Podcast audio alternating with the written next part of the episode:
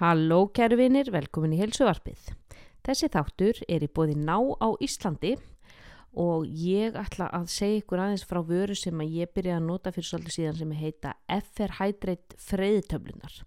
Það er innihalda steinemni og söld og eru svona svipað bara og geiturreit drikkurinn og geggjað að drekka eftir æfingu til að fylla á það sem að þið töpuði einhverjum svita potli á, á gólfinu en sko miða við Gatorade þá er þetta bara 1 gramma sigri meðan það held að sé 14 gram í, í einni svona flösku af sigri þannig að það er mjög kett og vænar fyrir þá sem er aðhylla svoleiðis lífstíl og fyrir okkur hinn sem að viljum bara minga sigurinn í mataræðinu. Ég hendi svona einni lufsu í, í bara í vatn eða í sótavatn og svolgra þessu í mig eftir æfingu en þetta er bara svona nammi og bragðið Það er komin nefnilega í nokkur bræðtegundum, það er til dæmis mixed berry sem er alveg sjúklega gott, lemon og lime, orange strawberry og uppáhaldið mitt sem er tropical punch. Mér er alltaf myndist allt svona tropical bræð alveg, alveg geggjað. Ég fer alltaf í hausnum einhvert af okkur sólaströnd og er að drekka bara hérna einhvern kókosnittu drikk með, með reglíf. Nú til dæmis eh, mjög gott ef að maður hefur verið, með, hefur verið veikur eða upplegað vökvaskort eftir langa vinnudag, átökin í, í rættinni, erfiðar æfingar að þá eru þessa töflur algjör snilt og eins og ég segi, bara þrykja einni vatn og málið dögt. Það er eh, fást ásand öllum náverunum inn á háverslun.is, nú er komið ný háverslun og uh, þar er að finna einni hinnar frábæru húdín í útivistaförur sem að bjarga lífi mínu hér í, í Danmörku. Nú er til dæmis búið að vera mínus fjórar, snjókoma, vindur og bara já, almennt uh, íslenskt skýtaviður hér í, í borg og ég er búin að klæðast öllu sem ég á sem að heitir húdíni. Föðurland, skýðabólir, flýspeisur, bara nefnið það, ég er í því öllu í einu. Og inn á háverslum.is finnið einnig nækivörðnar, þið finnið eh, spítósundfatnað, eh, konversskóna og síðan eru þetta náfoods.is og þar eru allar návörðnar að, að finna og hægt að fá sendt heim. Í þessum þætti er ég að tala við frábara crossfit drottningu sem heitir Þurriður Helgadóttir hún, ég er búin að fylgjast með henni í mörg mörg ár, hún er mikil fyrirmynd hjá mér, hún er, hún er eins og, hún segir sjálf small but mighty, það er uh, millumerkið hennar og ég tengi mjög mikið við hennar því að hún er engi ekki teljarmenni að burðum en er svaðaleg sko, hún tekur 130 nefei, hún tekur næstu 90 kíló í snörun, hún hleypur 400 metra á einni mínútu takk fyrir og bless Um, hún sagt, er eh, byrjaði í crossfit eh, að æfa í crossfit sport í sporthúsin árið 2010 byrjaði bara strax að keppa og þjálfa og þjálfaði þar frá árinu 2012 en núna söðla hún um fyrir einhverjum tveimur árum og flutti til Sviss þar sem hún þjálfar í crossfit Zug á samt kærastannu sínum Hún hefur kæft á heimsleikonum hvorki meirinu minna en fimm sinnum þannig að hún er hókina reynslu og stefnir að sjálfsögðu ótröð á sjötta skipti núna í, í höst ef að afverður og, og rónan okkar leifir mannfagnaði og, og keppnishald. Þið getur fylst með Þurri á, uh, á Instagram, hún er atturi, T-H-U-R-I, Helga Dottir á Instagram og uh, þar postar hún sínum afregum í, í rættinni og ég fylgist alltaf með henn og fylgist alltaf með stóri hjá henni og hún veiti mér innblástu til þess að fara og rýfa í játnið eldsnæðum á mótnana. Það var mjög gaman að tala við Þurri, hún er alveg opbóstlega einleg og, og skemmtileg og ég vona að hafið jafn gaman að þessu þætti og ég gjöru þessu vel.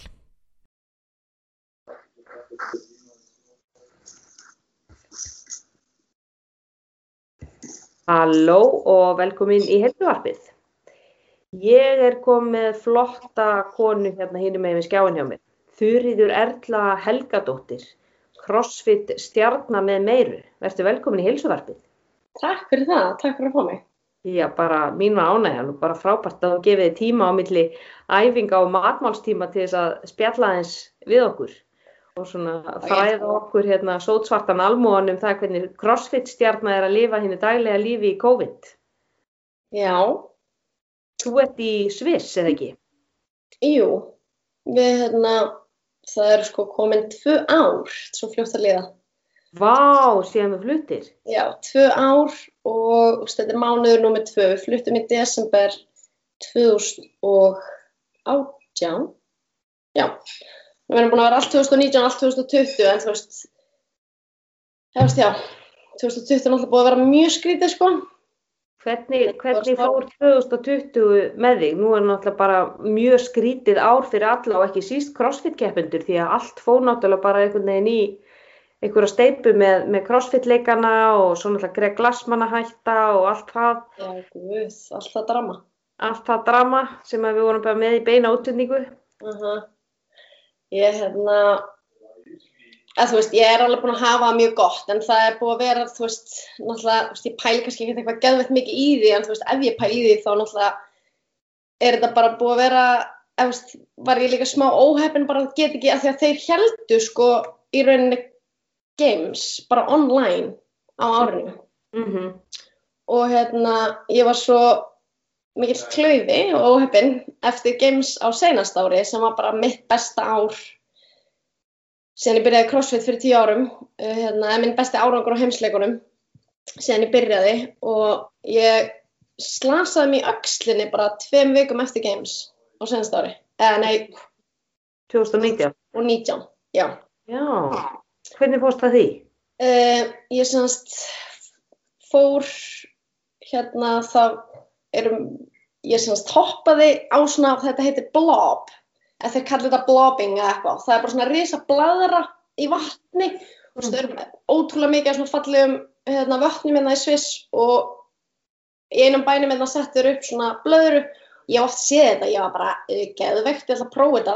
Bara þú veist, ég var ekki á neinu hörðu á æfingaprógrami, skilur þetta á tveim vikum eftir games eða viku eftir games eða eitthvað þannig ég var bara snilt förum. Og þá hopp, nei, þá svona sitja ég fremst á blöðrunni og svo koma tveir gæjar hoppa blöðruna og ég skýst af og út í vatnið. Nei! Jú, og ég var, eða, veist, ég var fyrst eitthvað, já, veist, ég mátti ráða af hvað hæð hopp, þeir hoppuð, þannig að þeir voru með svona stökkpalla og gáttu hoppað, þú veist, af, ég veit ekki, tvekja metra hæð eða fjara metra hæð eða eitthvað og fyrst var ég bara eitthvað, uh, ég ætla bara að fá einn, skilur, ég ætlaði bara að fá smá, eða bara að prófa þetta, þetta var alveg skeri og hérna, svo eitthvað svona horfið ég á vídeo því Kristján ég bara, oh my god, ég verði að geta aftur, fór ekki nú hátt. Og gerði þetta aftur og lendi í vatninu með hendurnar svona aðeins út. Þannig ég Ó. fæ bara massa högg hérna bara svona upp. Í rauninni samt finn það ekki þegar ég lendi í vatninu. Ég finn bara því ég kem upp úr. By the way, ég mæli ekki með að neitt gera þetta. Þetta er stór hættulegt sko, ég var bara hálfviti. Uh, að þannig að þú veist, að því að það vest, mesta sem ég var að hugsa var hálsi minn, þú veist, þannig að þú ert í einhverju svona þeir segja svona, verður svona bla bla bla eitthvað, þú veist, maður er í svona holla og svona kuðungaldið þegar maður leggur í stað. Mm -hmm. en að því að ég veginn var í kuðung en ég samt einhvern veginn aðeins hallandi aftur á bak þá þú veist, ég fer upp, þá fæ ég bara kökk, bara eins og lendi bílslýsi sko, ég þekki það hálsbrotnað. Já, það hljóma svona eins og whiplash bara. já, ég, basically, þannig að þú veist, ég var bara bak því ég kem upp og bara vá, bara djúð ekki mikið hérna, svona sleng á hálsin og svo er ég líka svona, þú veist, ég man eftir að hugsa einu sinni bara mér smá illt í öxlinni. En svo fann ég bara ekkert meir. Einhvern veginn, þú veist, og ég vakna um nóttina og ég bara, getur alltaf hreift hálsin minn, skilur, og ég bara, oh my god bara hvað gerði ég? En svo batnar það bara, ég hef bara fengið tók, tók smá svona í hálsinum en svo, semast, mér minnir daginn eftir að töndur senna fyrir á æfingu, ég get ekki gert upphýfur og eitthvað svona, ég finn smá til að ég þarf að breyta þeim, ég get ekki gert butterfly upphýfur þannig ég þarf að breyta þeim í kipi. En ég er bara, þú veist, ég er bara ég finn bara smá, þú veist, ég er ekkert að drepast, ég finn bara svona smá í svona in, í svona mesta range of motion og finn ég svona smá, þannig að svo samt æfi ég viku og bara einhvern veginn ekslast þannig að ég er ekki að gera upphýfur eða neitt þannig. Mm -hmm. Og svo er ég að keppa bara viku setna eða eitthvað. Og þar bara eftir keppnina bara um nóttina þá bara þá tvekja daga keppni eftir þessu tvo daga. Senasta voti var bara með ógislega mikið upphjöfum og bara með slöpum og eitthvað svona. Og ég fann smá í uppbytun fann ekkert í mótinu sjálfu samt þú veist, þú eru bara adrenalín og þannig. Og ég get ekki hreift öxlina sko bara já, ég get bara ekki hreift öxlina daginn eftir eða þú veist, þannig. Ég get ekki hangið í stöng Mhm. einu sinni En þú veist, svo var ég bara í massa afnitun og var bara, þú veist, hálfviti og var bara eitthvað, þetta batnar, þetta batnar, þetta batnar. Þá ætla að ég fór í hana myndatöku og þá var ég með eitthvað sem heitir Slap Lesion 2. Já, Það sem að bicepsin festist í hérna uh, leibrum á axlinni. veist, Þar, það var smá rifa þar. já. Og hvaða áhrif hafði þetta þá á þig, að þú veist, á æfingarnar hjá þér og svona fram að, fram að næsta keppnistífubili? og sko þetta var nú svo ógæslega erfitt en þú veist, ég hef alveg me- meitt mig í njánum áður, þú veist ég er bara einhvern veginn ég held að ég sé alveg svona frekar góð að mínum mati að þú veist, vinna mig kringum ef ég finn eitthvað til. Mm en þú veist, ég gat, en svo líka bara var ég held ég heppin, ég gat gert allt einhvern veginn svona eða þú veist, ekki allt, ég gat ekki hangið í stöng, ég gat ekki Já, með hendur, með hendur fyrir haus. já, ég gat gert sko djörk og Já. pressu, púspress, ég gat ekki snarað í marga, marga mánuði Já, þannig að þú getur gert allt sem að eru hendunar nálegt eirum en þú getur ekki farið með þær út eins og í snörunar stöðu. En sko já, það var þannig með semst, allt með lóðum einhvern veginn, en, en ég gat í langan tíma ekki gert upphjöfur, toast to bar og bar með slöpp, allt þetta sem er í, veist, crossfit. Og var bara að vinna í kringum með það, veist, ég var bara að gera snats pull á fullu og þú veist, ég gat klína og djörkað og Mm þú veist, hugsaði bara, vá, þetta bara frábært tækifæri til að bæta mig í beigju sem ég reyndi, en þú veist ekki, smá sveikandi. En sko, segir konan sem að er með metið 132 kíló í hnépið, Já. Blessaður, ætlaður að fara að bæta það? Já, já, já, auðvitað. Ég, ég sko, en þú veist, já, ég meina að ég er, þú veist, það verður alltaf erfiður að að bæta sig, þannig að þú veist, ég get ekkert eitthvað mikið kvartað afsökið því ég er með hundirna sem að, Sem að þarf einhverja, einhverja ást og, og, og ást og kærleika. það er að komast úti, það er bara opið út. Já. Nei, sko, þú, þú átt náttúrulega, þú ert með sko svaðaleg met, af því það er svo fyndið, það er svo skemmtilegt að fylgjast með, þú er að því út með hashtagið small but mighty Mhm. og, og mér finnst það svo skemmtilegt að því einmitt fyrir okkur hinnar sem eru svona frekar svona litlar um okkur, þá ert þú svo mikil fyrirmynd, þú er alltaf verið svo mikil fyrirmynd hjá mér að því tengt svo mikið við þig, af því að þú ert ekki sko þessi stóra, þú veist, ég náttúrulega hef hitt Animist og, og Katrín Tönni og þær geta stungið mér bara í vasan eins og legokalli, sko, þú veist, ég minn ég stend á millið þeirra bara, þú veist, og það eru bara tveir turnar, Já, en þú veist, þannig að maður tengir svo mikið við því að þú ert ekki þessi, sko, þú ert ekki, þú ert ekki þetta, svona, þessi, þú ert ekki svona stór og mikil eins og þær, þannig að maður horfir á því og bara, vá, hún getur svona, þá get ég það líka, og, og svo skemmtilegt þetta hashtag sem þú ert með, small but mighty, og svo maður að skoða, sko, tímanni hjá þér með þú hleypur 400 metra á mínútu, einni mínútu, 400 metra. já, ég var aðeins frjálsar, ég get verið að glengja í dag, en, Já, þú æfði frjálsar, þú æfði líka fimmleika, þú æfði fótbolta, já, Og, og, var, og varst að æfa spretthlaup líka samlega því, varst eitthvað 800 metrar hlaupunum eða ekki? Uh, þú veist, þegar ég var í frjálsum, já, þá var svona, mín besta grein var 800 metrar. Ég er svona, þú veist, ég æf, var alveg frekar ung þannig séð þegar ég hætti í frjálsum. Eða, veist, ég man ekki eins og hvað ég var gömul. Ég byrjaði hérna, var með svo mikinn verk, þú veist, ég hugsaði tilbaka, var með svo mikinn verk í öklum alltaf þegar ég æfði fótbolta og svo hnjám líka Mm. og hérna, sem ég held persónulega hafa bara verið að því ég var ekki með nógu, þú veist, ég var ekki nógu vöðvuð, eða skilur Já, þú er ekki verið með náttúrulega vöðva til að styðja það. Og Já. kannski ekki verið með þetta, þú veist, mobility í, í öklum, því nú, nú sér maður svo mikið, sko, mikil áhersla lögð á, veist, að vera með gott, gott mobility í kringum ökla og svona einmitt þess að komast bara djúft niður í beigjunum og, og bara hvað margir eru með alveg hræðilegt mobility í, í kálfum og öklum. Já. Og jafnvel bara einmitt þó séu ungir, sko.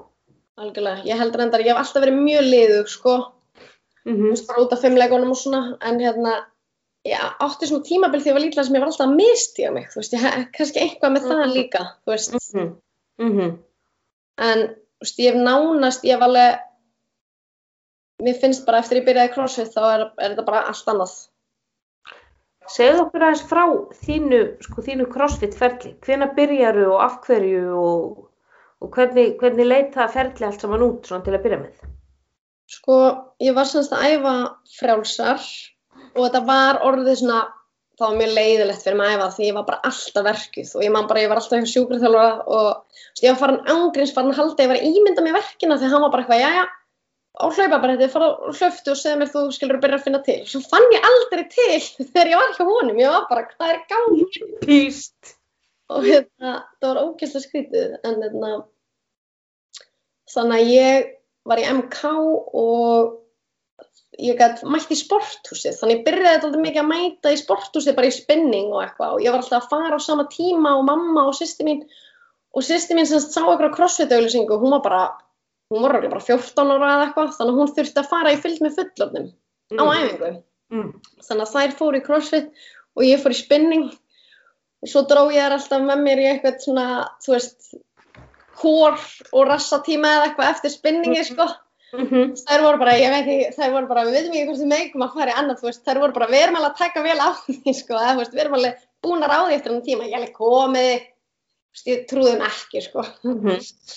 og hérna, svo voru þær bara, svo, veist, mér minnir að mamma hafi verið bara, því finnst þetta örgulega mjög skemmtilegt, og svo bara skráði ég á eitthvað svona hraðgrunnámskeið, ég veit ekki eins og hvort ég kláraði, ég man bara eftir að farið í eitt tíma Mm. og mætti á crossfit-æfingu og mér minnir, ég man ekki alveg, veist, mér stókst að lega því, ég man ekki alveg eftir fyrstu æfingunum minn í crossfit. Nei, en Ég- það var í sportur, í crossfit sport. Já, það var í CrossFit Sport hjá Leifi og hérna, ég man samt svona smá eftir að hafa fundist smá vandræðilegt að vera að gera, þú veist, maður er ekki vanur að vera eitthvað að hoppa á kassa og gera hnébeur og eitthvað, ég var eitthvað svona, mér fannst þetta smá vandræðilegt, ég veit ekki, það bara Já. eitthvað skrítið. Já.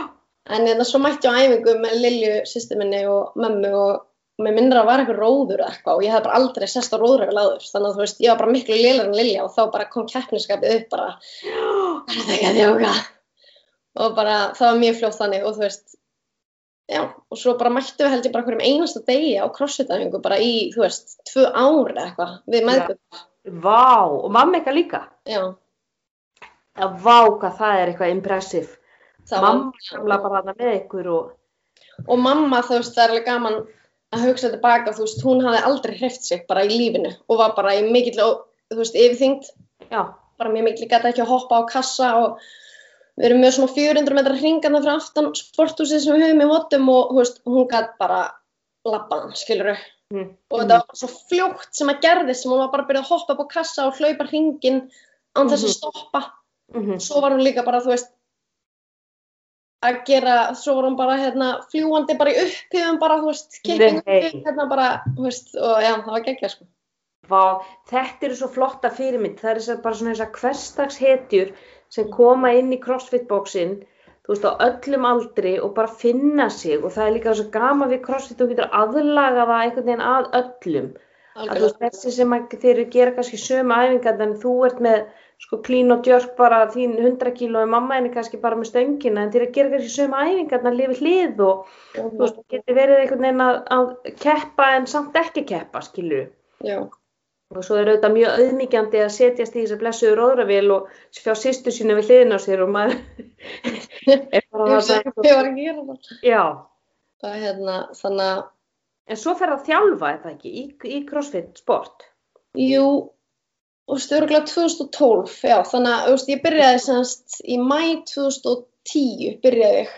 Mm og, þú veist, ég er bara í mæ 2011 komin á Evrópuleikana og vinn það með liði. Vá. Og förum á heimsleikana Þannig þannig þetta er ógslag fljótt að gerast. Auðvitað var hérna þetta mjög ungt sport þú veist bara í Evrópu. -hmm. og bandaríkjum líka. En hérna þannig að standardin var náttúrulega allt annar en það var þú veist já maður var bara strax byrjaður þú veist ég man líka bara ég byrjaði þetta í mæ og þú veist strax um sumari var ég bara svona þú veist, hvar, hvar get ég keft eða skilur og gert eitthvað? Þannig að maður fór þarna í þrekmótaröðina og þetta. Mm -hmm. og er það sökkaði sko. Ég, ég fyndi hvað eða þú veist svona smá því hugast tilbaka, ég veit einhvern veginn ekki alveg, ég emmi mjög mikið keppniskap en mér finnst samt ekki gaman að vera í 20. seti eða eitthvað, skilur Nei, en þú veist, var ég bara í senasta seti, ég hafði aldrei verið að lifta lóðum svona, skilur þú veist, og verið eitthvað bara í voddi þar sem ég þurfti að hlaupa og ég man bara fyrsta mótið mitt var sko bootcamp leikarnir, ég vil ekki alltaf vera með mjög mikið keppniskvíða. Mm. og ég var svo stressuð sko, ég var bara, ég var bara með magakveisu af stressi. Og hérna og þetta byrjaði á 800 metrar hlaupi og ég var náttúrulega bara koma úr 800 metrar hlaupi, þú veist, í frjálsum, þannig ég bara eh, geggjað, Mm. var komur bara, þú veist, fyrst úr hlaupinu, svo bara kom, skilur ketilbjalla, flippa ykkur í dekki og eitthvað og ég var bara, ég var bara dáin sko, ég gati ekki meir Nei, nei. hérna, samt umslega gaman og ég, og ég vildi bara fara á næstu og næstu og næstu keppni af því að ég fann líka bara munin strax bara í næstu keppni, ég var orðin aðeins betri, skilur, þú veist, maður fann þetta svo hratt, bætingar. Og það er náttúrulega það sem að sko eh, hvetur mann áfram og smýr blóði á tennurnar, byrju ég er aðeins betri og er aðeins betri. Mm -hmm. Svo er svo, það er eitthvað fyndið við að keppa að því þú ert sko í miðri keppninni og þú ert að hugsa með þér hvað í anskotanum er ég að gera þetta? Ég er hérna sjálfviljug í einhverjum viðbjóði Mm. og þetta er ógeðislegt og ég ætla aldrei að keppa aftur en þú leðað búinn fyrir næsta keppni. Hvar get ég skráð mig? Nákvæmlega. Já, og það er bara einhvern veginn, það er, það er einhvern veginn andinn og það er allir að peppa alla upp og vel gert hjá þau eru rosalegstu dugli og alveg samlóksveit í þrítugasta sæti eða skiptir ekki máli, það er bara einhvern veginn þetta samfélag sem myndast í kring sem er svo ótrúlega mikilvægt. Ég held að það sé það sem að svona, fær mann til þess að koma aftur og aftur. Algjörlega. Og þú, fer, þú ert búin að fara á, á heimsleikana, talandi um að vera með keppniskvíða, þú ert búin að fara heimsleikana hvað, fimm sinnum eða ekki? Eða hvað? Fimm, Og, jú, ég held fimm sinnum sem einstaklingur og tvisar sinnum í liði. já, já, tvö sinnum í liði, Mm þá er það crossfit sport eða hvað? Já, bæði skipt. Já, já, og svo, Unnum Evrópleikana í bæði skiptin. Mjög já, gaman. það var, það var hér, er það ekki í Danmörku eins og sem þið voru að keppa? Jú, Já, akkurat. Nei, já, já, já, í eitt skiptið, já. Ég fór semst í liði 2011 þegar ég fór í fyrsta sinn að því þorði ekki sem einstaklingur bara, þú veist. Mm, Þú veist, ég var í fjórða sæti í Evrópu, skilur, yfir alla stelpunar og hefði þá bara komið sem einstaklingur á Evrópumótið en ég var bara eitthvað, að ég ætla bara að fara með liði, það er rúglega skemmtilega. Og hérna, þú veist, sæði við sjálfa mig bara, þú veist, að ég ætlaði bara að sjá hvernig þetta væri og svona, upplifið þetta, skilur, og sem að reyndar, þú veist, það gerði það alveg að því ég mætti þetta og maður gæti hort á einstaklingskeppnina, þú veist, kepptið með liði og gæti hort á einstaklingskeppnina og var ég bara svona, vá, ég áalveg heima hana, skilur. mhm. Var það þá sjálfströsti sem þið skorti til þess að fara að keppa sem einstaklingur? Já, þú veist, ég myndi að segja að það hefði verið alveg fif- 50% það og eitthvað svona, þú veist, ég hugsaði bara, ég er bara svo stressuð að keppa, bla bla bla og svo náttúrulega samt líka 50% pressa á að fara í liðið og gera geggja gott lið og vinna Evrópleikana. Mm -hmm, Þannig að þú veist, þetta var svona 50-50 smá. En hvað var það þá til þess að þú tókst svo endalega skrefið að fara úr liði og fara og, og innra samtalið bara ok, ég er nógu góð til þess að fara og vera einstaklingur. Þú veist, það kom ekki, það kom ekki strax, sko. Uh, einhvern veginn var bara búin að, ég man ekki einu svona af hverju ákvaða að gera það 2012, sko, þú veist. En þetta var bara svona ógeðslega mikil reynsla fyrir mig að fara sem einstaklingu 2012 og þú veist, fekk náttúrulega ótrúlega mikil stuðning frá öllum andi crosssport og leifur náttúrulega hjálpaði mér ógeðslega mikið. En hérna, en þú veist, ég hugsaði tilbaka, þá planaði ég sko æfingaprógram mitt bara fimm vikurnar að regionals planaði ég bara 100%. Ég man bara þegar, að því að vodin komu út fimm vikum áður. Ég man þau komu út Mm. og sko, og þú veist, mamma líka, þú veist, það var náttúrulega bara massa hróskilið, hvað hún peppaði mig alltaf mikið. Og þú veist, ég man bara eftir að hafa vaknað og hún kom inn með sko útprentað, það var búið að gefa út vodin og bara hérna, það var búið að prenta út, eða gefa út vodin. Og við vorum að skoða þetta og við vorum bara, það hlýtur að vera bara eitthvað stafsningavill í þessu, hérna, ég var að taka 32,5 kg handlóð, sko 50 sinnum og skottsnaraði upp yfir höfuð, þú veist, ég var bara Já. eitthvað, þetta er vittlust, skilur svo átti ég að taka 105 kg í réttstöðluftu, 5 umferðir, 5 rep minni mig, eða þú veist, eða 7 rep minni mig og hérna, Góður. þú veist, maximit í réttstöðluftu var bara eitthvað 110, eða þú veist, það var bara eitthvað, þetta var bara maximit eða eitthvað, skilur, ég ætti að taka nokkur sinnum. Og, og hérna, þannig að við vorum bara, þetta hlýtur nú að skýrast allt, þetta er bara eitthvað vittlust, það var þetta ekki vittlust hérna, en það tók mig sko 5 vikur að, eða tók mig svona 3 vikur að ná að snara handlónu bara, bara ná, bara þóra að ná því upp, skilur ég þurfti bara að æma hverju einasta degi bara. Og þú veist, eh, og það tók mig ángríns held í fjóra vikur að ná með vinstri hendinni. Ég náði því alveg með hægri svona freka fljótt. Mhm. og bara hugsa tilbaka, bara magnað og hérna, Það er einmitt þetta sem að sko ég hræðist sem miðaldra eh, lítil hórtugga að ég næ ekki þessum þyngdum sem er farið fram á í þessum keppnum. Ég myndi halda einmitt býtu, mamma varst að prenta út kallaprógrammið. já, nákvæmlega Að, að það, það er það sem að, að hræði mig alltaf svo mikið er sko að ég myndi bara, heyrðu, get ég skalað hérna neyri eldri borgara þyngdirnar? það er náttúrulega alltaf eða þú veist, náttúrulega ekki á Evrópleikunum er náttúrulega ekki að skala, en þú veist, eins og í óbunnu þá eru alls konar flokkar sem hægt að skrá sig í skiluru, það er, þú veist, RX og svo er skulun og núna verður með þessi heimaflokkur af því að það út af Já. standinu. COVID, já, já. En ert þú, ert þú einmitt talandi um COVID, hvernig er þetta með líkasættastöðarnar hjá þér? Hefur þú alveg geta, að því nú fylgist ég með þér á story og á Instagram og ég sé að þú ert alltaf að æfa í ræktinni. Er hún sérst opin eða færð þú bara aðgangaðinni eða hvernig er þetta? Sko, veist, þetta er náttúrulega, það, það eru öll ekki meðna lokuð, það er, er bannað að hafa líkamsrættastöður opnar og hún er ekki opin en eigendur bóksins ákvað það bara að þjálfarar mættu æfa.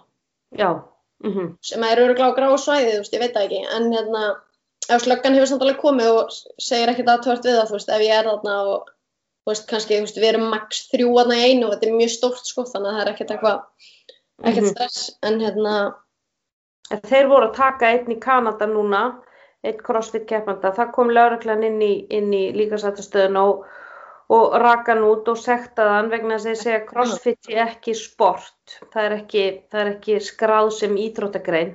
Og hann fekk sekt og var, var vísað út, þannig að þeir eru nú greinilega eitthvað aðeins meira líbó hann í Sviss. já, og sko, en hérna, að því ég er að æfa líka ólimpíska liftingar og keppi ólimpísku liftingum, þá gæti ég líktilega sótt um leifi til að fá að æfa. Já, og þú veist, ég, já, bara þannig að þú veist, en þetta, já, þeir verðast vera úa líbó, sko, og það, það er líka hægt að sækja um leifi, sko, kærasti minn er að þjálfa fólk í enga þjálfun, ekki marga, en þú veist, það eru sumir, ef þeir fá skrifa læknisvott upp á það, ég þarf að hrefa mig bara, þá, þá má þjálfa þá. já, það er svoleiðis, já, Já. já, já. Þannig þið fluttu þarna út til þess að fara að þjálfa í crossfit hérna í, í, Zurich. Uh, við erum í Súk, uh, við erum í kantónni Súk, Já, ekki bænum Súk. ok, Eða skimmið er það, við búum reyndar ekki þar, við búum bara rétt hjá, en í annari kantónin á hliðin á Argá, já, en já, en gimmið heitir CrossFit Súk. já, og, já, ok, og þið þið fluttu þarna út til þess að fara að þjálfa. Sko, Kristján, sko við fluttum eitthvað þá, já, vissu að Kristján myndi fá vinnu hérna, mm -hmm. ekki 100% vinnu samt, en hérna, en okkur langaði basically bara að prófa eitthvað nýtt og hérna, og þekktum semst par sem býr hérna Mm og fórum basically að heimsækja þau og, og ég vorum svona smá að í að þessu skilur við bara okkur langa að flytja einhvert annað en Ísland og Mhm. hérna, þannig að þau eiginlega bara svona bókuðu fund með fólk eða þú veist, með strákunum sem eiga bóksið -hmm. og þá bara komið ljós og þeir voru bara til að þú veist, bæta við þjálfara og fá einmitt svona þjálfara sem er bara þjálfari en ekki einhver sem er í 100% vinnu og getur kannski bara tekið tíma hér og þar heldur einhvern sem að svona vill koma meira inn í og þú veist hjálpa til og eða skilur og vera meira svona hluti Mm. af stöðinni. Mm Þannig að Kristján var mjög mikið til í það og ég var mjög mikið til í að breyta bara um umhverfi og hugsa engöngum um það að æfa og gekk bara ótrúlega vel og var bara geggjað fyrsta árið hérna og já, var mjög gaman. Já, já. Hvaða áskoranir hafa fyllt því að vera í, í COVID og vera með gimmi lokað og, og, og þú veist, allt svoleiðis? Hvað, hvað, svona, hvað áskoranir hefur mætt gagvart því? Finnst þér erfitt til dæmis að mótivera þig til að æfa þegar er enginn í gimminu og... Já, mér finnst það bara búið að vera, þú veist, það er svona lættist aftan að mér samt aldrei, þú veist, að bara svona allt í hennu var ég bara svona, vá, bara ég nenni ekki á æfingu, þú veist, það gerist ekkert oft. Mm og hérna og maður verður bara svona, já, maður verður alveg ég þarf alveg bara þú veist, að hugsa bara, skilur, þegar COVID stoppar þá, þá vil ég vera í mínu besta formi, en það er ógislega, ógislega auðvelt að vera bara eitthvað, að ég ætla bara að fá mér nammi og sleppa einhver. En næstu því, skilur, þú veist, af því ég, ég veit ekkert hvernig ég er að keppa næst. Nei, ætlar, ekki að taka þátt í Open? Jú, jú, þú veist, ég Já. veit það núna, en þú veist, eins og bara, en þú veist, bara allt senasta ár, allt 2020 var bara þannig, þú veist, ég vissi ekkert hvernig ég var að fara að keppa næst. Nei. Svo er alltaf verið að, þú veist, fresta og cancela og, þú veist, þannig að það er bara svo mikil óvissa, þannig að, já, þú veist, það er bara búið að vera mjög erfitt að mótivera sig og, og mæta á æfingu tvisar dag og borða holt og fara snemma að sofa, þú veist, ég get bara svo auðveldlega dótt í að vera bara eitthvað svona, ég ætla að horfa á eitt þátti viðbót og svo er bara þá einhvern veginn næsti dagur ónýtur að þú fyrir aðeins svo sent að sofa Mm. og þetta er, getur alveg verið fljótt að vinda upp á sig þannig að, en það það Já, já, það er ekki nema einhverju hvað 40 að byrja 11. mars. mm -hmm. Já, þannig að það, fjóra vikur bara, og fimmta Já. og þeir virðast alltaf halda, halda því, þannig að það er allavega, það er þá allavega eitthvað og það voru þá allavega crossfit leikar en, en það var allt síðasta ár var alltaf verið að, að, að fresta og, og hætta við íventa alveg bara hægri vinstri og út og suður og, og ég get ímynda með það fyrir keppendur, þetta hefur verið erfitt að mótivera sig, þú veist, ok, ég er ekki fara að keppi þessu og nú þetta mót, það er búið að fresta því og Mhm. eitthvað tilkvæðs er ég þá aðeins öllu saman því að þetta er náttúrulega heilmikil vinna Þú veist, þetta hljóma og einfalt á blaði ég þarf bara að mæta tvær æfingar og Nákvæmlega. ég þarf að borða holt og ég þarf að fara snemma að sofa en í prax er þetta bara þetta, þetta er náttúrulega full vinna það er ástæða fyrir því að fólk er atvinnumenn í þessu sporti það er bara að hugsa um þetta Mhm.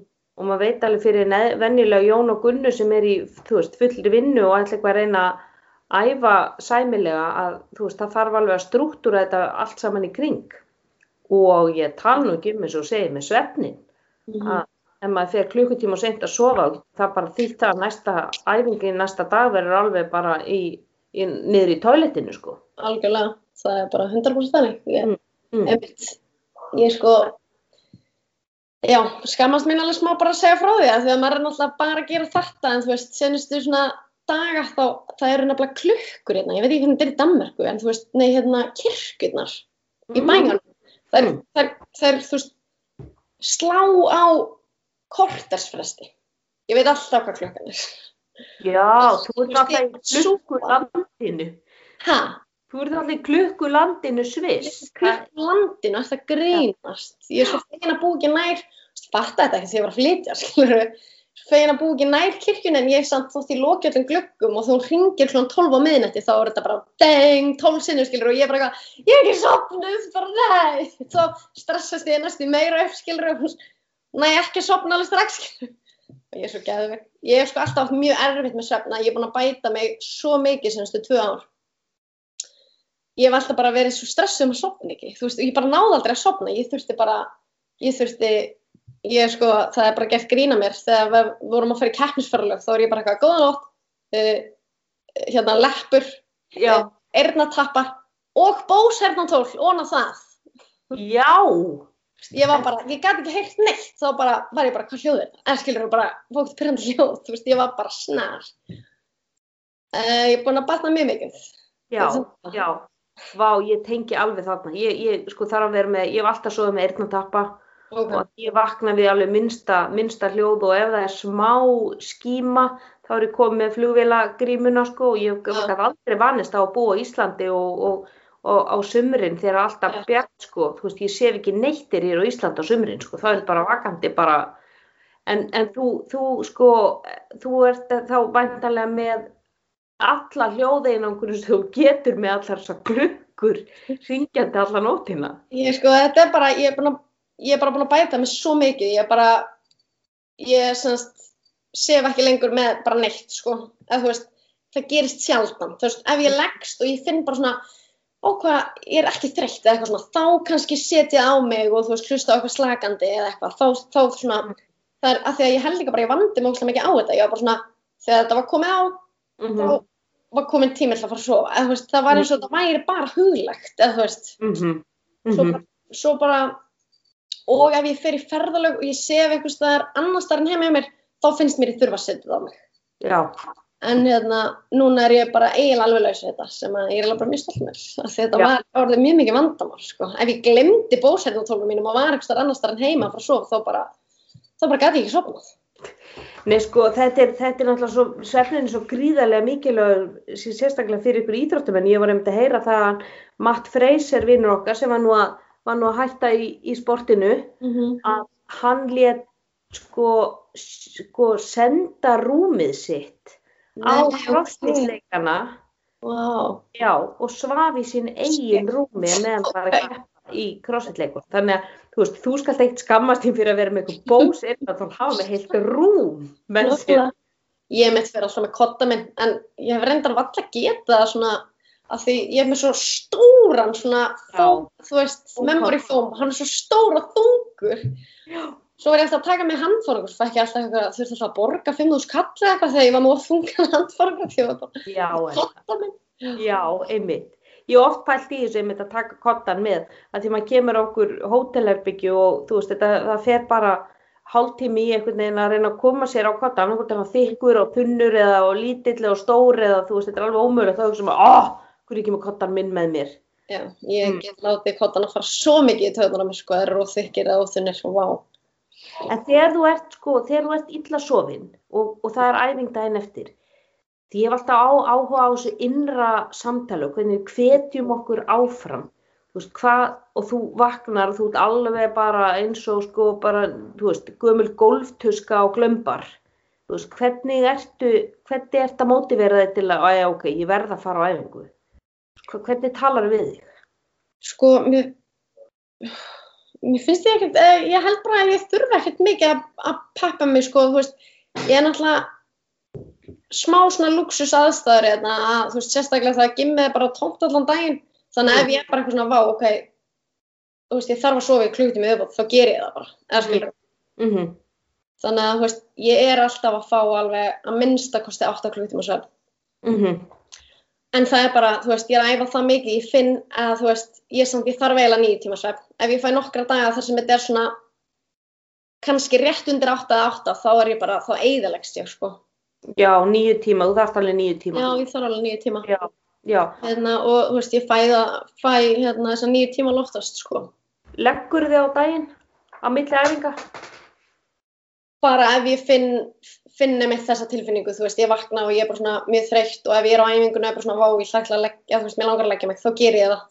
Mm. Mm En hérna, En það er ekki okkar í skrúfur. degi. Nei, ekki, nei. Nei. Því ég er líka eiginlega búin að rútina mín núna er smá svona æfing fyrir hátegi, borða hátegi sem að æfing fljótlega bara eftir það. Mm. Uh, sérstaklega ef það eru tímar í gangi og svona, ég vil bara vera búin áður en að tímandi byrja, þú veist, 4-5. Já. Þannig að þú ert að taka tvær æfingar á dag, þannig að önnur er svona staðar fyrir hátegi, Já. einhvers staðar á milli 7 og 9 eða eitthvað og svo hinn kannski milli 1 og Nei. 3 eða.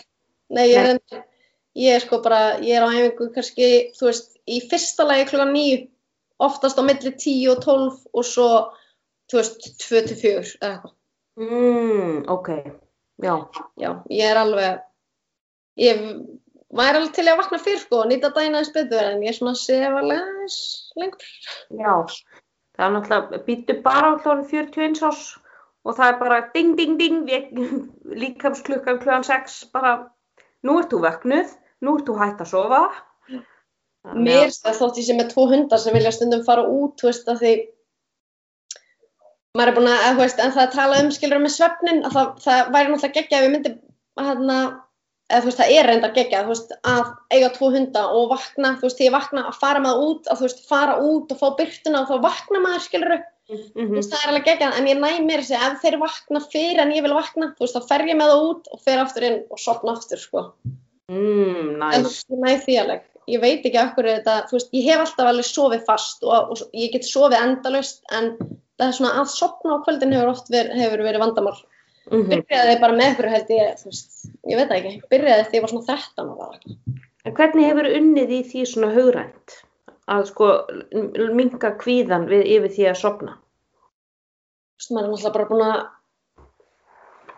þú veist, ég hef alveg bæði það er náttúrulega bara búin að vera svo mikil vakning með þetta sveppdót og þú veist, ég hef örgulega hlustað mér svo þátt hjá þér, þú veist, um sveppn og þú veist, bara minnst allir að vera að tala um þetta þannig að það er svona alls konar góð ráð en hérna, en þú veist, í byrjun þegar ég var bara vissi ekki nefnilega alveg af hverju þetta var eða þú veist, Mhm. ég vissi ekki að þetta væri bara ég, þú veist, í hausnum á mér, skilur þá hérna, þú veist, náði ég að sopna með því að, já, bara byrja að vera með, hérna, auðkleppana og eyrnatapana, svo ég fekk sko óðnami fyrir eyrnatöpum, Já, eyrnatapa.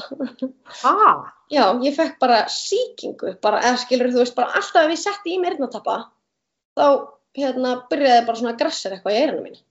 inn í erna göngunum. Já, bara viðbjöður, en Mhm. þannig að þú veist, ég get, ef ég þarf að setja meira tappa, þú veist, þá get ég það bara í ein, bara eina nótt eða skilur nokkra klukkutíma, eða fattur þú ef það verður nokkra nætur þá byrjar þetta svona þess vegna kefti ég mér sko bósernatólin Já, bara út af því ég gæti ekki nota eyrnatappa lengur, þannig kefti ég mér bósernatólin og hérna, og, og svo þá byrjaði ég með hérna appið þarna Headspace headspace.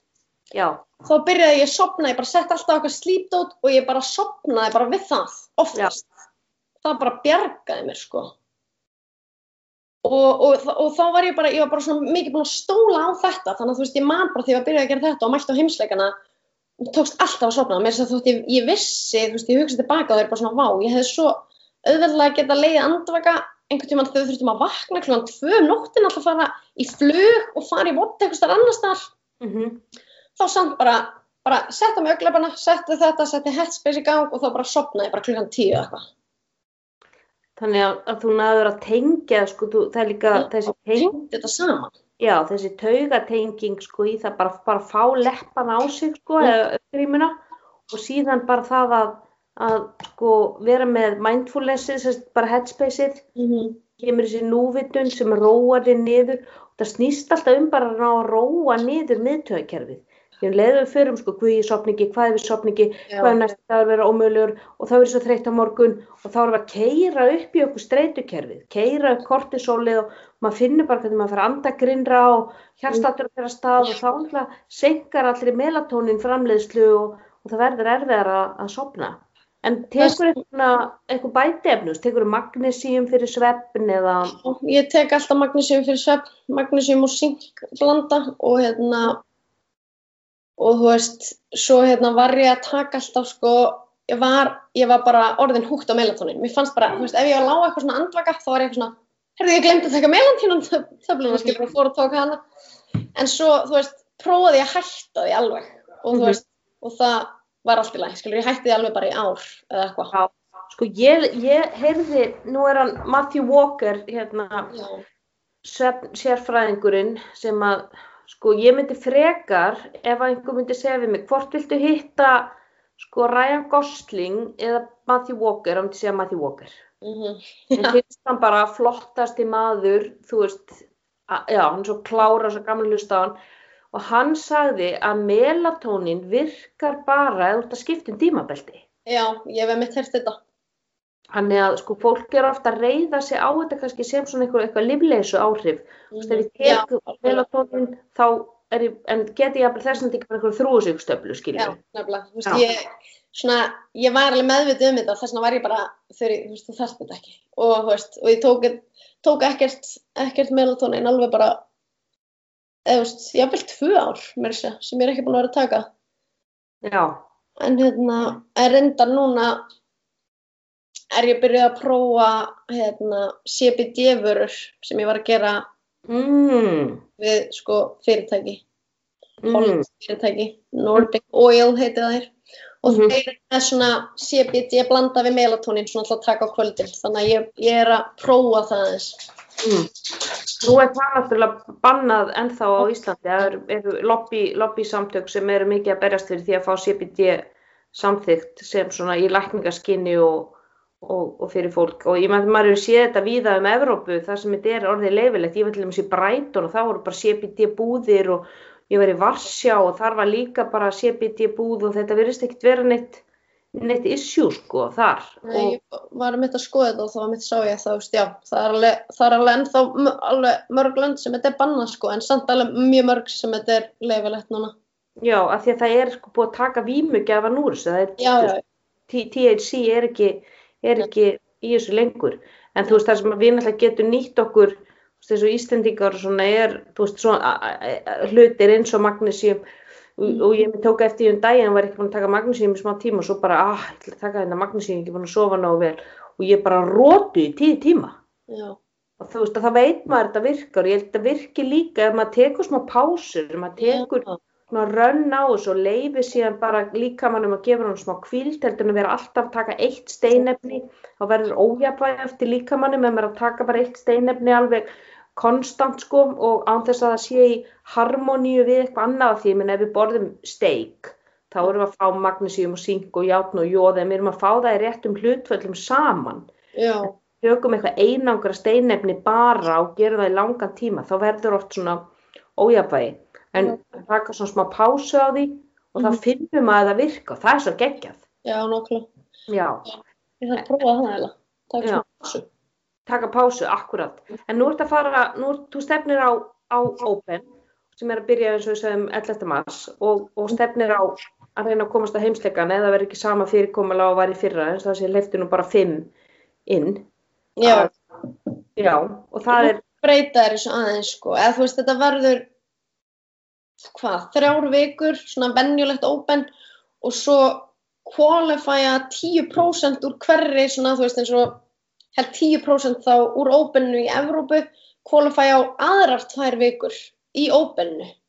ó, og, og hérna, ég man ekki hvað þetta kallast allt, en hérna, þú veist, þannig að fyrst er bara svona eila venjulegt open sem verður samt ekki, sko, eða þú veist, það er þrjár vikur venjulega open, fimm vikur, núna verður openið þrjár vikur sem allir geta tekið þátt í og mér skilst að verða jafnvel, þú veist, vanlega er þetta alltaf eitt á viku, það verða jafnvel tvö, sko. mm, Svo kemur ein vika, nei já, svo kemur bara ein vika, minni mig, sem að 10% qualifya og það geti alveg verið þrjú að fjögur vot þar, sko. ok og þaðan qualifiera á það sem að einu sinni kallaðist regionals senasta tvö ár Sectionals. regionals, já en nema núna, þú veist, já þannig að þú qualifiera á regionals basically aftur af því að það verða tvö svona Evrópu mót, Ok, og hve, hvenær eru þau þá? ég veit ekki. Nei, nei, Ég- það veit náttúrulega enginn ég veit það reyndar, eða þú veist mér minnir að það sé mæ Já, ok. Og ef allt, ef allt verður samkvæmt plani og, og, og COVID og allt saman þá er þeirra stefna að hafa heimsleikana í ágúst eins og vannilega. já, mér minnir það, já. Já, já, einmitt, einmitt. Og þú eh, stefnir á að fara þangað, þú ert náttúrulega að þjálfa þarna, ertu með þjálfara? Þú veist, eða ekki þjálfari hjá einhverjum, er einhver sem er fylgist með þér? Uh, ég, hann Átni Freyr er búin að vera að gera prógram mitt núna síðan síðan eftir Regionals 2018 þegar ég qualifæði ekki á Regionals þá var ég, nei þegar ég qualifæði ekki af Regionals á heimsleikana 2018 þá hérna talaði ég við hann og spurði hvort hann vildi ekki prógramara fyrir mig og Hann er með í CrossFit XY. nei, hann, nei, hann- Átni Freyr hann er í crosssport Já, já, já, já. Átni Björn sem er í UFSO. Já, já, já, já. Mm Já, þannig að það er mjög fínt og mjög gott að vera með eitthvað sem að er að prógramera fyrir því sem að við erum alltaf búin að vera að æfa saman síðan basically 2011 eða skilur við höfum hann byrjaði að söpu um tíma og ég í CrossFit og fórum saman á heimsleikana 2011 þannig að hann þekkir þig og veit alveg hvernig þú virkar og hvað þú þart og hvað eru þínu veikleikar og hvað þínu styrkleikar og já, Já, og basically sko þú veist þótt hann var ekki að prógramera fyrir mig þá þú veist svona síðan 2000 og minnir 2015 þá byrjaði hann þú veist að vera alltaf að þú veist hjálpa mér að gera strategíur og þannig fyrir regionals. Mm og þannig að hann horfði á mig taka öll votina þegar maður hafði eða alltaf einhverjar fleiri, fleiri vikur til að æfa fyrir mótið maður vissi alltaf votin Mhm. og kom alltaf bara og horfði á mig að gera votin og þú veist, hjálpaði mér hvernig ég ætti að brjóta þetta upp og allt það, þannig að þú veist, hann veit já, hann veit alveg svona hvað ég get og hvað ég get ekki en hvað eru, hvað eru þínir, þú veist, hvað er það sem þú ert að vinna í sérstaklega? Sérstaklega núna er ég að vinna í róðurinu mínum Róðra vilni? já, af því ég til dæmis, ég man reyndar ekki hvernig það var á senast ári, ég náttúrulega bara stóð mér ekki nógu vel í ópenni, ég var náttúrulega bara sársauka í öllum mótunum hérna í öxlinni, í ópenninu hérna 2019 Mm. 2020? Nei, betur, 2000 og, ég er alveg ruggli. Það var náttúrulega ekkert open 2020, sko. Af því að þeir held að í lok árs eftir heimsleikana 2019. Mm. En þú veist, já, það var basically openið fyrir 2020 samt. Eftir heimsleikana 2019 þá kom bara, þá breyttur hann öllu aftur. Mhm. Mm -hmm. Vá, þetta er allt í súpu í hausnum mínum. En hérna, Já. 2020 var náttúrulega líka bara 750 dagar að líða og, og allt í Mhm. súpu einhvern veginn þannig að við fyrirgefum þér. en ég man ekki eins og hvað ég var að segja. Hvað var ég að tala um?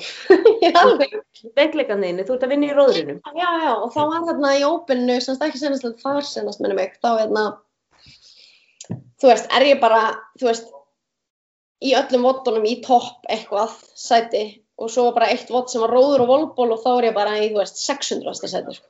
Mm. Bara get ekki tóga þessa helvitis róðravél fast. Er það út á öxlinni? Nei, nei. Nei, það var, það var í opinu fyrir það. Ég, við, sorry, hann að nefnilega, ég man ekki að, ég man að var róður líka í senasta ópenvotið en ég man ekki hvort að hann, hann var aðeins faldnari inn í veist, hitt votið var basically bara róður í 12 myndur eða 10 myndur eða hvað sem þetta var. Það er eins og þau gera bara í forgarði helvítis. En það var sko, ég man ekki hvernig það var, það var, segjum, 15 kalori róður og 15 volból bara amrap 10 eitthvað. Ég man ekki alveg hvernig það vot var, en þú veist, Mm. volbólni skipti einhver mála þú, það gera allir bara volból veginn jafn hratt, skilur Mhm. En, já, þannig að, já, Þannig að vinna í róðrinu, já, þannig að það ég er, styrknum, þú veist, ég þarf einhvern veginn að vera, sko, það er svona búið að vera strögglið, bara frá því ég byrjaði crossfit, það strögglið og ekki strögglið, þú veist, ég kem mér alltaf svo óvart í þessum, þú veist, sem betur fyrir er crossfit oftast mjög svona tæknilegt, þannig að það vinnur oft með mér að það kemur eitthvað svona, þú veist, eina þannig séð, að þú veist, að það kemur eitthvað styrta vott, það sem er verið að maxi einhverju, það kemur snats. mhm, Það þarf svo mikla tækni. Veist, ge- stelpur sem er að taka 30 kíló meira en ég í réttstöðlöftu og beigju, ég næ að snara meira eða jafn mikið og þær, oftast. að ert með rétt á tækni. Já, Mhm, ég myndi segja það. Og hérna, en, en þú veist, að því að ég lift ekki ef það allir mest, bara eins og CrossFit Total kom að heimsleikunum, þannig að þegar ég komst ekki 2018, ég var smá alveg svona fjúf, að því að, þú veist, ég hef bara verið bara dead last, skilur við. Hvað var það? Hvað var CrossFit Total? Já, það er semast one rep max uh, í réttstöðluftu, axlapressu og hnepu. Já, ok. Svona meira raw, svona strength, þú veist, ef það kemur vott líka, en þú veist, líka bara það sem hefur svona verið veikleiki minn, þú veist, ef það kemur vott það sem að þú þarft bara ekki neina tekni, þarft bara svona, doldi bara svona, getur bara svona rifið þingdina upp einhvern veginn það er kannski, þetta er þungt en ekki nógu þungt að þú þurfur að gera það gett vel. Mhm, og kannski bara tekur það tíu sinni mest og bara eitthvað taka fullt af burpees þá svona þá einhvern veginn verði ég alltaf aðeins fyrir aftan. Já, það er líka, en hvernig ert að vinna í að bæta róðurinn til dæmis?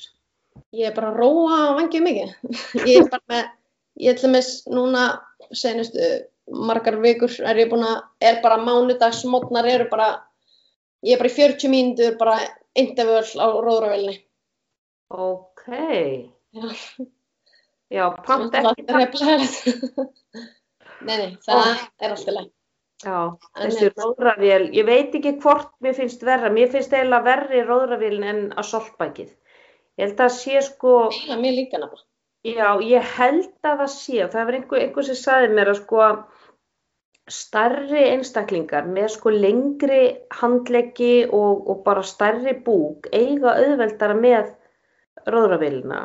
En við sem erum léttar og, og litlar, við eigum auðveldara með hlaupin og að soltbækið og Mér Það er bara finnst róðravél bara alveg ógeðislega erfið. Já, mér líka. Já.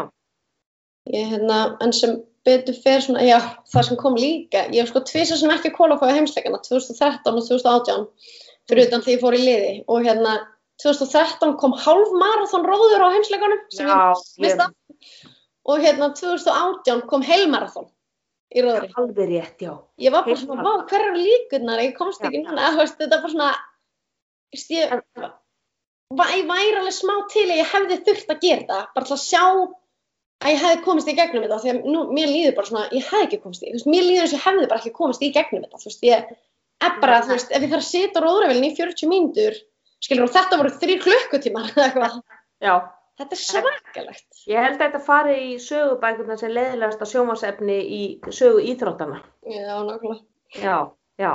Þannig að, en hver eru sko styrkleika þína því þú ert náttúrulega sjúklega góð í öllu fimmleikadótinu og þú hefur verið að þjálfa fólk í, í fimmleika, eða sérst í svona gymnastics í, í crossfit eða ekki, með eitthvað svona online prógram í Og kringum sko, það. ég er bara nýbyrju með það, ég er semst með styrtaraðala sem að heitir Wattproof app og það er svona app þú getur tekið upp að gera vottinn og svona og þú veist það er svona tími í þessu og líka hægt að telja reppin og, og reyndar er bara með alls konar meira sniðut inn í þessu appi og til dæmis var hann að byrja núna með uh, að þannig að þú veist ef þú kaupir appið þá ertu bara með aðgang að fullt af flottum prógramum og ég gerði semst fimmleika prógram og svo semst fólk sem fer inn í appið og vil pröfu þetta fimmleika prógram getur líka ítt á one-on-one með mér og þá fær það eitt session á viku og ég spyrði bara, þú veist, hvað viltu vinni bla bla bla, þú veist, alls konar spurningar og þú veist, þá vinnum við í því, bara Mhm. svona sér og þú veist, og þá fá þau svona videofeedback frá mér og hérna og þau senda mér vídeo og ég segi, þú veist, gerð þetta og þetta, þetta betur og þannig. Ok, Sem þannig er þetta er person, personal training, þetta er ekkert bara eitthvað svona generalt prógram fyrir alla. Sko þetta one-on-one sem þú getur valið, þú veist, ég er með Mhm. 12 veikna prógram sem er bara svolítið, veist, það byrjar mjög basic, þú veist, þetta er allir að geta gert fyrstu vikurnar, þú veist, þetta er bara svona algjör grunnur, en samt svo mikilvægur sem að, þú veist, eiginlega flesti skipa, vilja bara fara beint að gera mössulag, þannig að ég er með svona bara mjög svona mikinn styrk og þór, Fyrir hvaða æfingar er það helst? Er það fyrir toast to bar og, og, og, upphýðingar og bar up og, og mössulag og handstuðarbur. já, já, Þetta er basically bara svona, byrjar á bara mjög basic styrk fyrir þetta allt. Þetta eru þrýr dagar í viku, einn dagurinn er svona push sem er, þú veist, arbegur og handstuðarbegurnar og bara vera á kolvi og þú veist, byrjar mjög einfalt og fer svo upp í svona aðeins flokknar og fer líka í handstuðlapp og svo er einn dagur í viku, hérna, pull, þannig að það er bara uh, hérna, styrkur fyrir upphifur og svo svona þróast aðeins meira í svona muscle up, skilur við, með vikunum og, Mhm. hérna, og svo er einn dagurinn uh, svona smá blanda eða þú veist, er hérna dýfur og, og þróast svo meira í hérna barmuslöp ok, vá, ég þurfti að fá mig þetta. Mér finnst það óþægilegt að vera á haus. Það, ég, það þurfa bara að venja sig við það, var eitthvað sem sagði sko, þú ert bara að venja þig við það að vera á, á kvolfi. Það, þú veist, það, mér finnst það allt blóði fara í hausin á mér og ég er að æfa mig núna í svona wall walks. Já, og, og komin upp í alveg fimm reps í einu og finnst mér alveg sko bara sjúklega stolt af mér. En mér finnst sko eftir hver eitthvað einasta wall walk þarf ég alveg svona aðeins að pústa og bara fá blóðið aftur tilbaka því mér finnst bara hausin á mig vera að springa. Ok, Ég er en já, svona- það ég er einmitt bara fyrstu vikurnar þá er ég að láta fólk gera mjög mikið wallwalk og bara fara í handstuðu upp að vegnum uh, fyrst hérna með uh, sko facing já, og hérna bara þú veist og halda bara þú veist bara, bara venja sig við þú eitthvað veist, byrjar kannski bara í fjórusunum, þú veist, 20 sekundur með eitthvað 40 sekundar pásu og svo svona eikst alltaf aðeins tíminn. mm já, Þetta Já. er bara, það bara að vera á kolvi, bara endalust og eins og, þú veist, þegar ég var að æfa með að, þú veist, standa kjur á höndum, þú veist, ég var bara, æfðið mig bara þrjus og fjórusunum í viku, bara, þú svo allt í hennu bara, ertu svo flink, bara allt í hennu, þú veist, en maður bara búin að æfa sig það mikið að maður sparkir sér upp og maður finnur bara, já, bara finnur stöðuna já, Já. Það er svo gekkja en svo svipa eins og í klíninu og svona þegar þú finnur bara einhvern veginn stöðuna þar sem að veist, stöngin bara byrjar að svífa sko, Já, veist, ekki það, það, það, það, er svo, það er svo geggjað.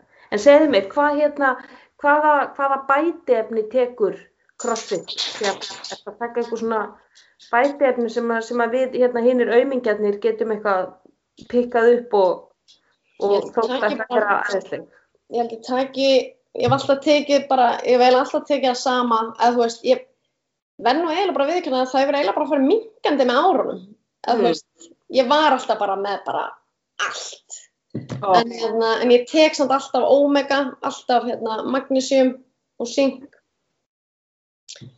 uh, og svo er ég bara með svona fjölvitamin, sko, ég er núna hérna með Foodspring er hérna svona fæðubótar efnarsponsóri minn þannig að ég fæ Omega frá þeim og Magnesiumið og þeir eru með svona fjölvitamin svo var ég alltaf að taka líka spirulína og, og hérna á tímabili var ég sko alltaf veik sem ég veit núna samt eila bara af hverju það held ég þú veist ég tengi það bara við hérna oflítinn svefn og jafnvel bara of litla þú veist orku.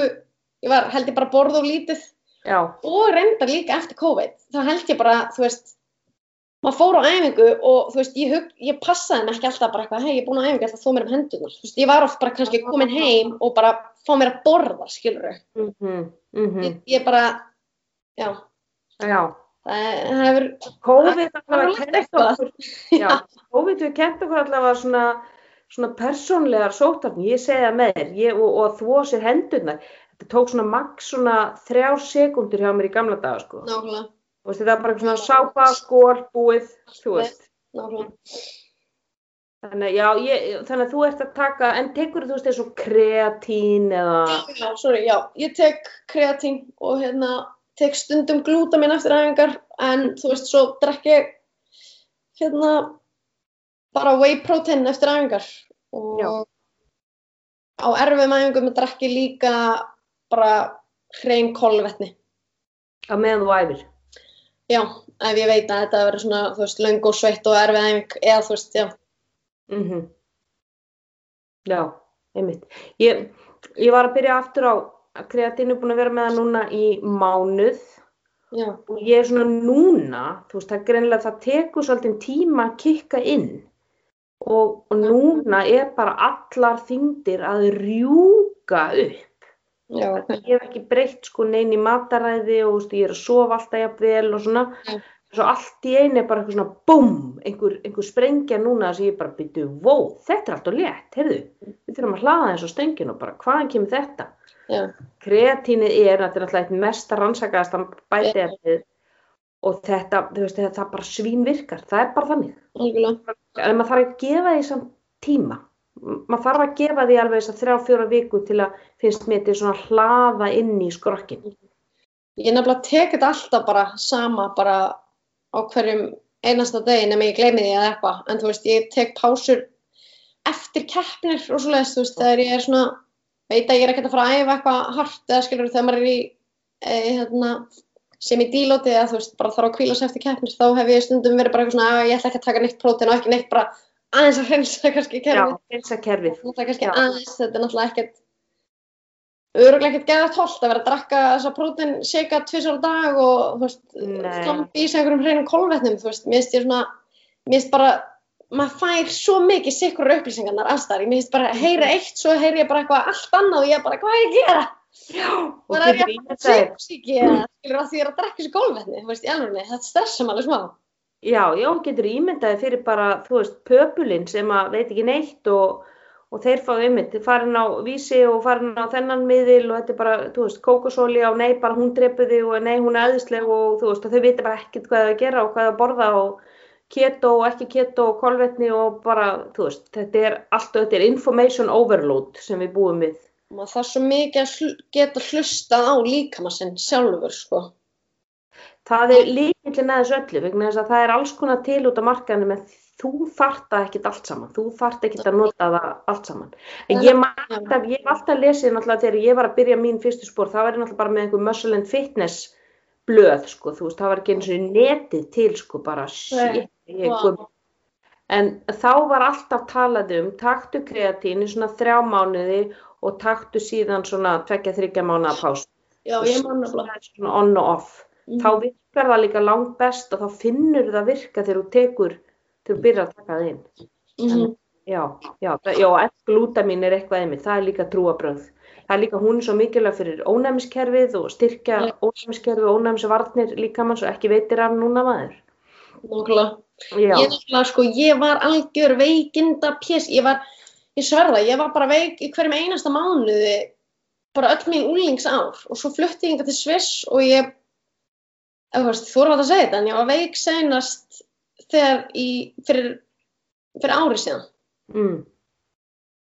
já, Þá var ég ógeðslega veik og ég held bara að ég hefði fengið COVID, sko. En svo fór kærasti minna bara þegar hann, við höfum veik á sama tíma, vorum sko í vorum hérna í Róm, ég var að keppa á lyftingamóti, þau eruð allir veikir. Mm, það eitthvað. Margt, þú veist, þetta var, ég veit ekki, en það eruð bara allir veikir og við hefðum ógeðslega veik og vorum veik bara, veist, við jöfnum okkur ekki fyrir næstur svona fjóra vikur sko. Og þetta var ekki COVID. Þú veist, Náttúrulega svo finnst mér líka að vera svo misfendi upplýsingar, hann fór allavega í svona mótefna próf, sko. Mm. Þegar hann var að vona að hann hefði fengið þetta, þannig að hann gæti ferðast, þú veist, auðvitað Mm -hmm. hérna, til Íslands, en hérna, það kom allavega negativ, sko. Ok, já, ekki. Já.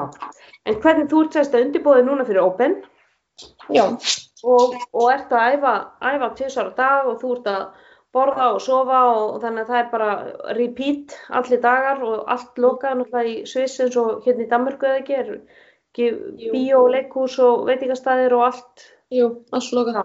eins og ég segi alltaf, það er Mm. allt gaman, það er bannað. Ég veit það. Sem betur fyrir skíðasvæðin óbel, sko. Það Mm. bara heldur okkur á lífi. Það, ég mitt sé það hjá í stórið, þú ert að fara á skíði. Við vorum að uppgöta sko sleða, ég var að gefa kærastanum mínu með ammálskjöfin að sleða þarna.